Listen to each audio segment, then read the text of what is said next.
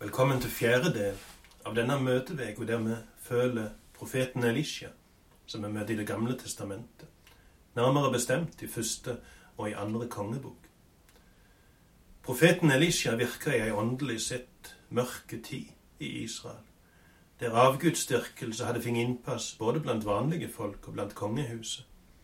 Elisha hadde en lang, lang tjeneste der han kalte folket tilbake til Gud, til truskap imot Gud og imot Hans ord. I går så vi nærmere på historien om den syriske generalen Naaman, som kom til Elisha og søkte hjelp fordi han hadde blitt spedalske. Syrakongen Ben-Hadad hadde sendt et brev til kongen i Israel, der han ba om hjelp for hærføreren sin.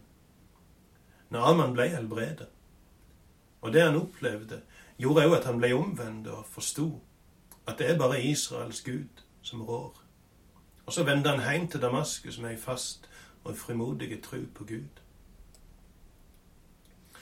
Når vi kjenner til det som hendte med Naaman, kan det virke merkelig å bla om til neste kapittel i Bibelen og se at det neste som skjer, er at syrerkongen Ben-Hadad fører krig imot Israel. Vi ser ingenting som tyder på at det har vært noen provokasjon fra israelskongens side. Derimot har altså syrerkongen sin nærmeste og viktigste støttespiller fått hjelp i Israel ifra en sykdom som var regna som uhelbredelig. Det er galt å gjengjelde vondt med vondt, men det er dobbelt galt å gjengjelde godt med vondt, som så syrerkongen her gjør. På bakgrunn av det vi har lest om Naman, virker altså syrerkongen sine angrep på Israel dobbelt vondskapsfulle. Og det sier en hel del om denne kongen. Men kanskje det som skjer her, passer inn i et mønster for hvordan den vonde oppfører seg. Naaman hadde ikke bare blitt helbredet, han hadde også blitt omvendt. Og han hadde tatt med seg ei frimodig tru på Israels Gud heim til Damaskus. Det er en mektig provokasjon imot den vonde, og han spurte den syriske kongen til uprovosert vold. Mange plasser rundt i verden opplever folk det samme. Når noen vender seg til Jesus, når de vender seg fra mørket til lyset, er det som om du tenner ei kruttønne. Men for opptøyer, bråk, vold, fengsling ut ifra falske anklager, riving og stenging av kjerker. Folk blir hissa opp så de ter seg som en ustyrlig mobb, og det er nesten umulig å stoppe disse opptøyene. For de som maner til fred, stender sjøl i fare for å få anklagen retta imot seg. At ikke de er oppriktige nok i trua si. At de egentlig gjenger de kristne sitt ærend. Jeg har opplevd dette i Indonesia, der jeg og familien bodde i noen år. Og Dette er grunnen til at vekkelser i Indonesia er ikke nyhetsstoff. Du leser ikke om sånt i avisen. Du hører ikke om det på fjernsyn. I den grad det skjer, er folk opptatt av at vekkelser må få gå sin gang i det stille. Minst mulig blest om det. Naaman, Ben-Hadad sin egen general, kom hjem til Damaskus og satte opp et alter til Israels gud i hovedstaden. Og kongen reagerte med krig mot Israel. Det er kanskje ikke så uvanlig og merkelig likevel. Vi skal lese andre kongebok seks, vers 8-14. Arameakongen lå i krig med Israel. En gang han rådførte seg med mennene sine, sa han, jeg vil slå leir på den og den staden. Da sendte gudsmannen båt til Israels konge og sa, ta deg i vare så du ikke fer forbi denne staden, for arameerne har sleget leir der. Så sendte Israels konge båt til den staden som gudsmannen hadde nevnt. Han advara kongen, og han tok seg i vare. Slik gikk det både én og flere ganger. Arameakongen ble svært urolig over dette. Han kalla sammen mennene sine og sa til dem, Si meg, hvem av våre folk held med Israels konge? Da sa en av mennene hans, Det er ingen av oss, herre konge, men Elisha, profeten i Israel, som let Israels konge vite hvert ord du sier i soverommet ditt. Da sa kongen, gå og finn ut hvor han er, så skal jeg sende folk og gripe han. Han fikk melding om at profeten var i Dotan, og dit sendte kongen en stor hær med hester og vogner. De kom fram om natta og kringsette byen. Det Bibelen sier, tyder på at dette ikke var en fullskala krig, men en flokk av soldater som ble sendt over grensa for å legge i fedler for kongen. Men Gud varsla Elisha om denne fedla, og profeten sendte melding til kongen, så han igjen og igjen ble berga ifra de fedlene som Ben-Hadad la for han. Ved å vise si omsorg og sin makt for kongen, kalte Gud han på denne måten til tru og til erkjennelse av Guds truskap og makt. Syrerne hadde sikkert spioner ute, så de visste hvor de skulle legge seg i bakhold for kongen. Men planene gikk i vasken. Om igjen og om igjen sendte Elisha melding til kongen og advarte han imot syrakongen sine planer. Kongen holdt seg vekke fra plassen han hadde tenkt å reise til, men sendte noen for å sjekke om det Elisha hadde sagt, var sant. Og disse speiderne kom nok tilbake og bekreftet at det var syrere i bakhold. Syrakongen fikk mistanken, og den ene planen etter den andre mislukkes, og han trodde han hadde en forræder i sin nærmeste krets. Hvem av dere er det som heller med kongen i Israel? spurte han. Og en av mennene forklarte hvordan det egentlig hang i hop. At profeten i Samaria kjente alle tankene hans, og fortalte de til kongen i Israel. Da får vi ta profeten, da, tenkte kongen, og sende hæren sin til Dotan, der spionene hans hadde funnet ut at Elisha oppholdt seg. Vi kan lese andre kongebok 6, vers 15 20. Tidlig neste morgen, da tjeneren til gudsmannen sto opp og gikk ut, fikk han øye på en hær med hester og vogner som lå rundt byen. Å, min herre, hva skal vi gjøre? sa gutten til Elisha.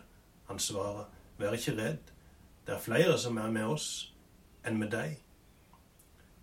Så ba Elisha og sa, Å Herre, åpne øynene til gutten så han kan sjå. Herren åpna øynene hans, og han fikk se at fjellet var fullt av elhester og elvogner rundt omkring Elisha. Da arameerne kom ned mot Elisha, ba han til Herren, slå dette folket med blindskap. Og Herren slo de blinde da Elisha ba. Da sa Elisha til dem, det er ikke denne vegen og denne byen. Følg meg, så skal jeg føre dykk til den mannen det leiter etter.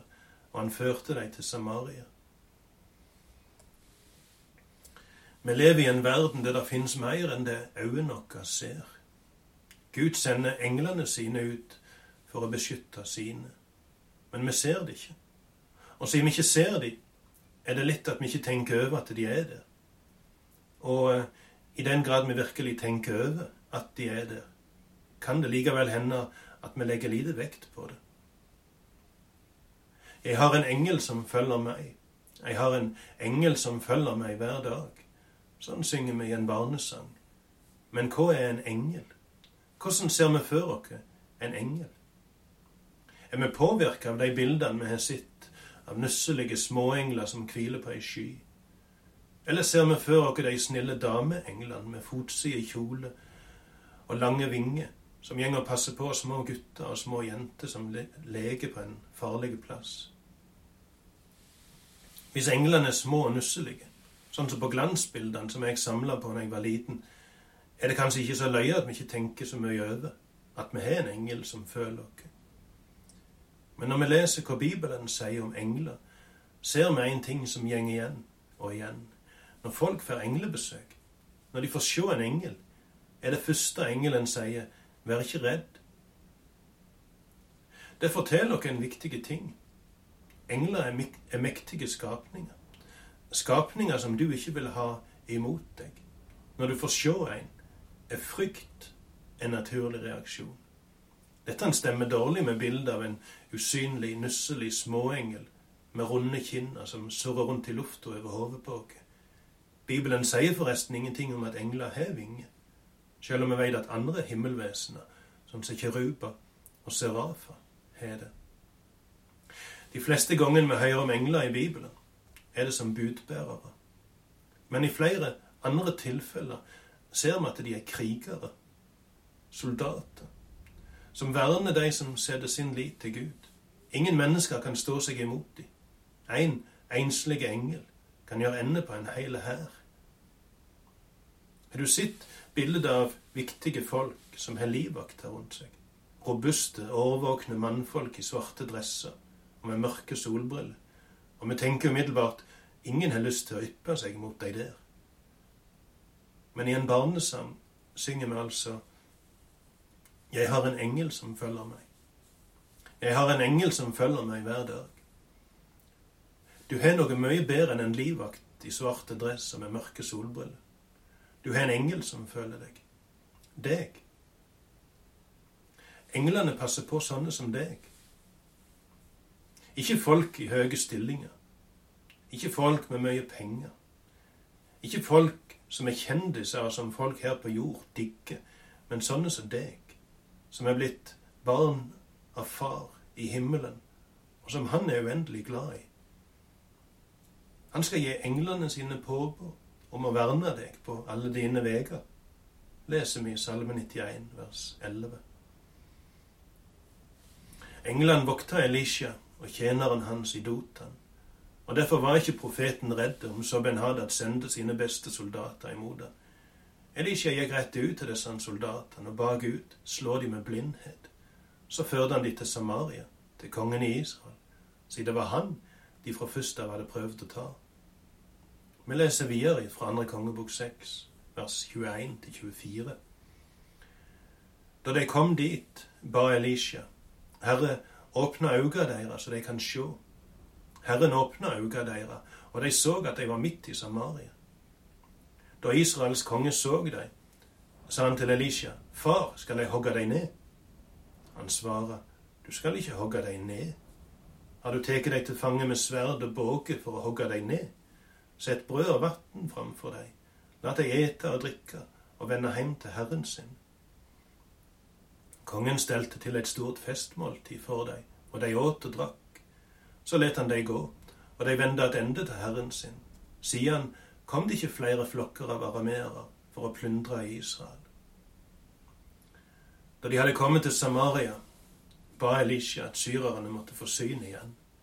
Og de ble nok livredde da de, sjå, da de fikk se at de var omringa og innestengt i fiendens egen høgborg. Israels konge så dette som en ypperlig sjanse til å ta hevn. Hvis du leser 88-utgaven av Bibelen, ser du at kongen spør to ganger skal jeg hogge de ned. Skal jeg hogge de ned?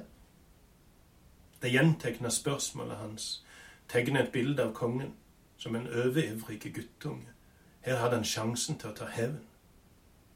Nei, du skal ikke hogge de ned. Du skal gi de mat. Og så setter de fram mat for fienden sin, et festmåltid, og let de få dra hjem i fred. Og historien ender med at det aldri mer kom syriske herjeflokker til Israel. Hevnen er søt, sier et norsk ordtak, men det er ikke sant. Eller i den grad hevnen er søt, har den i alle fall en langvarig, bitter bismak. Kjenner du noen som er glad for å ha fått hevna seg? Kjenner du noen som ser tilbake på hevn som et godt minne? Hevnen er ikke søt. Han er bitter. Bibelen understreker at hevnen hører Herren til. Det er Han som skal dømme. Det er Han som skal syte for rettferdighet. Vi skal overgi hevnen til Han. Sjøl er vi oppfordret til å gjøre sånn som Elisha gjorde i denne fortellinga. Og Bibelen kaller det faktisk å samle glødende kål på hodet til folk. Det er et merkelig uttrykk, og det kan misforstås. Mor mi forteller om ei kone som klagde over den umulige mannen sin. Så fikk hun spørsmål om hun hadde prøvd å samle glødende kål på hodet hans, og svarte at akkurat det hadde hun ikke gjort, men hun hadde prøvd med kokende vann. Jeg tenker den kona hadde sin del av skylda for at mannen hennes var så umulig. Å samle glødende kål på hodet folk er ikke bokstavelig meint, men det sikter til å møte det vonde med det gode. Hvis vi gjør det, er det stor sjanse for at de som oppfører seg dårlig imot dere, vil se hvor urettferdig og urimelig de oppfører seg. Hevn, derimot, har en tendens til å skape en vond sirkel. Jeg har opplevd dette sjøl. I et friminutt på ungdomsskolen spente jeg krokfot på en gutt i klassen min. Ingmar heter han. Det var ikke vondt meint. Det skulle bare være et sånn artig pek. Men Ingmar datt ganske stygt. Og neste dag da jeg kom på skolen, traff jeg Ingmar med armen i gips. Og det skar meg i hjertet. Det er der jeg skulle i. Noen dager seinere skulle vi ha bading, og jeg sto med sida av Ingmar da læreren spurte han hva det var som hadde skjedd. Og Ingmar svarte det var en som spente krok på meg. Ikke et ord om at det var Magne som hadde gjort det. Det hadde vært nok med et blikk på meg akkurat da han sa det, eller et kast med hodet, så ville læreren ha forstått. Men ikke et ord, ikke et tegn, ingenting. Jeg husker læreren sto der og sa en ting og to om folk som oppfører seg sånn, men han ante ikke hvem som hadde gjort det, og Ingmar sa ingenting. Det hadde vært så lett for han å gi meg igjen for det jeg hadde gjort. Men han tidde. Etter at vi var ferdig på ungdomsskolen, havna jeg og Ingmar i samme klasse på videregående. Og han var den beste vennen jeg hadde de tre årene på gymnaset. Men det vennskapet kunne det ikke blitt noen ting av hvis han hadde valgt hevn i plassen for taushet den dagen i svømmehallen. Hevnen er ikke søt. Hevn er bittert. Det er tilgivelse som er søt. Historien om Elisha og engleherren skjedde for lenge siden, men det forteller om noe som er like virkelig i vår egen tid. Noen norske misjonærer fikk oppleve dette for ca. 90 år siden, under et opprør i Kina. En av dem var Asbjørn Aavik fra Lindesnes, som jeg hadde glede av å bli kjent med i studietida mi i Oslo. Da var han en gammel mann på over 90 år. Jeg hadde lyst til å lese hva han opplevde i byen Yongyang i Kina i 1931. I kjølvannet av borgerkrigen i Kina på begynnelsen av 1900-tallet var det mange militære sjefer som samla sine egne småhærer, som røvde og herja. Plagene med disse røverherjingene fikk òg misjonærene erfare. I 1931 ble Yunyang angrepet av kommunistene. Misjonærer fra ulike misjonsstasjoner hadde flyktet til Yunyang. Men så viste det seg at røverne var på vei mot nettopp Yunyang, og misjonærene rakk ikke å flykte, for alle veier ut av byen var stengt av røverne. Nå var vi i alt 25 utlendinger samlet, 13 barn og 12 voksne. Så kom det tre underlige dager, dager vi aldri glemmer, vi som var der. Vi visste jo at Yunyang var den neste by de ville ta. Vi snakket sammen om utvei til å komme unna, og vi snakket med de ledende i byen om det samme. Byens militære forsvar stolte vi lite på. Men det jeg vil minnes lengst fra de dagene, er våre andagsstunder og bønnesamvær.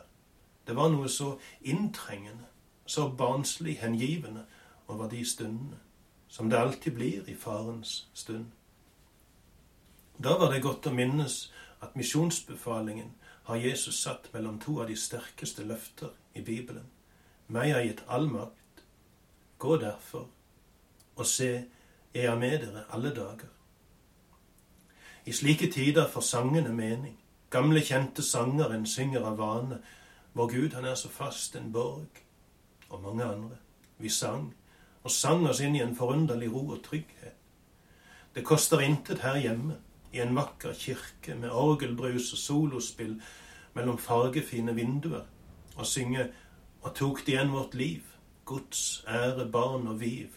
La fare hen la gå, de kan ei mere få, Guds rike vi beholder. Men syng det i Kinas øde innland. Syng det når alle utveier er stengt av røvere.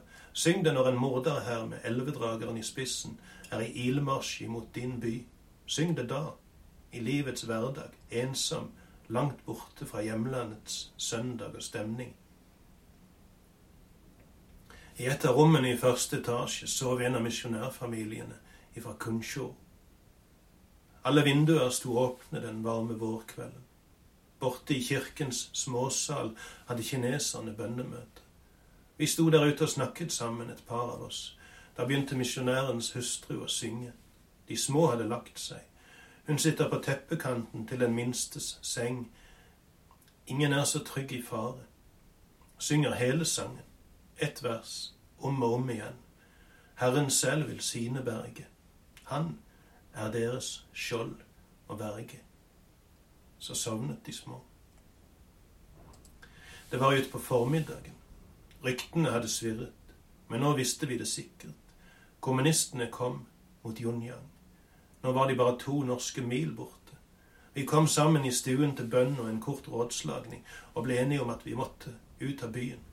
Vi låste, gikk, med sengebylter og noen nistekasser. Kineserne bar. Vi gikk Storgaten vestover. Visste ikke hvor hen, bare at vi måtte ut av byen. Tenkte å komme oss opp i fjellene. Der måtte det vel være et sted vi kunne skjule oss. Vi kom så langt som til elvebredden og ropte der på ferjemenn til å sette oss over. Da så vi at det var umulig å komme unna. De røde hadde alt besatt de viktigste steder omkring byen. Det var intet annet å gjøre enn å snu. Det var et underlig tog som kom Storgaten østover. 25 hvite. Ingen sa noe. Barna tidde. De som var med, glemmer det aldri. Vi låste oss inn. Stille gikk alle inn i den øde stuen. Det var ingen som foreslo det, men alle knelte. Hvor gammel jeg blir, ett vet jeg, det bønnemøtet kommer jeg aldri til å glemme. Det var en time da alle overga seg til Gud, på nytt, til liv eller til død. En underlig ro la seg over oss alle. Gud var så nær. Jeg er med dere alle dager. Mens vi knelte i bønn, begynte skytingen. Først spredte skudd langt unna. Så kom det nærmere, like inn på byen. Kanoner, maskingevær og rifleskudd. Vi knelte fremdeles. Streifkula slo mot murveggen i annen etasje. Jeg vet ikke hvor lenge skytingen varte, men plutselig stilnet den av. Bare et og annet rifleskudd smeller gjennom luften. Har de slått seg gjennom? Har de kommet inn i byen? Vi lytter i åndeløs spenning, venter å få høre skrik og ståk fra gaten, men alt er stille. Dagen etter fikk vi forklaringen. Det er en del kristne som bor i området der kommunistene kom og gikk. Så snart byporten var åpen om morgenen, tok to av oss en tur utover. Vi ville se til de kristne. Vi kom inn i det første kristne hjemmet. De satte to krakker fram. Vær så god, sitt. Nei, de hadde ikke gjort dem noe vondt. De ba om drikke og kjøpte noen høner som de betalte for. De var innom på tilbakeveien òg, fortalte bonden vi snakket med. De hadde, de hadde sånt hastverk. En av dem som kom oppom her, var sikkert offiser. Han kom til hest og hoppet av her i tunet. Si meg, bonde, er det to murer omkring Junjang? spurte offiseren.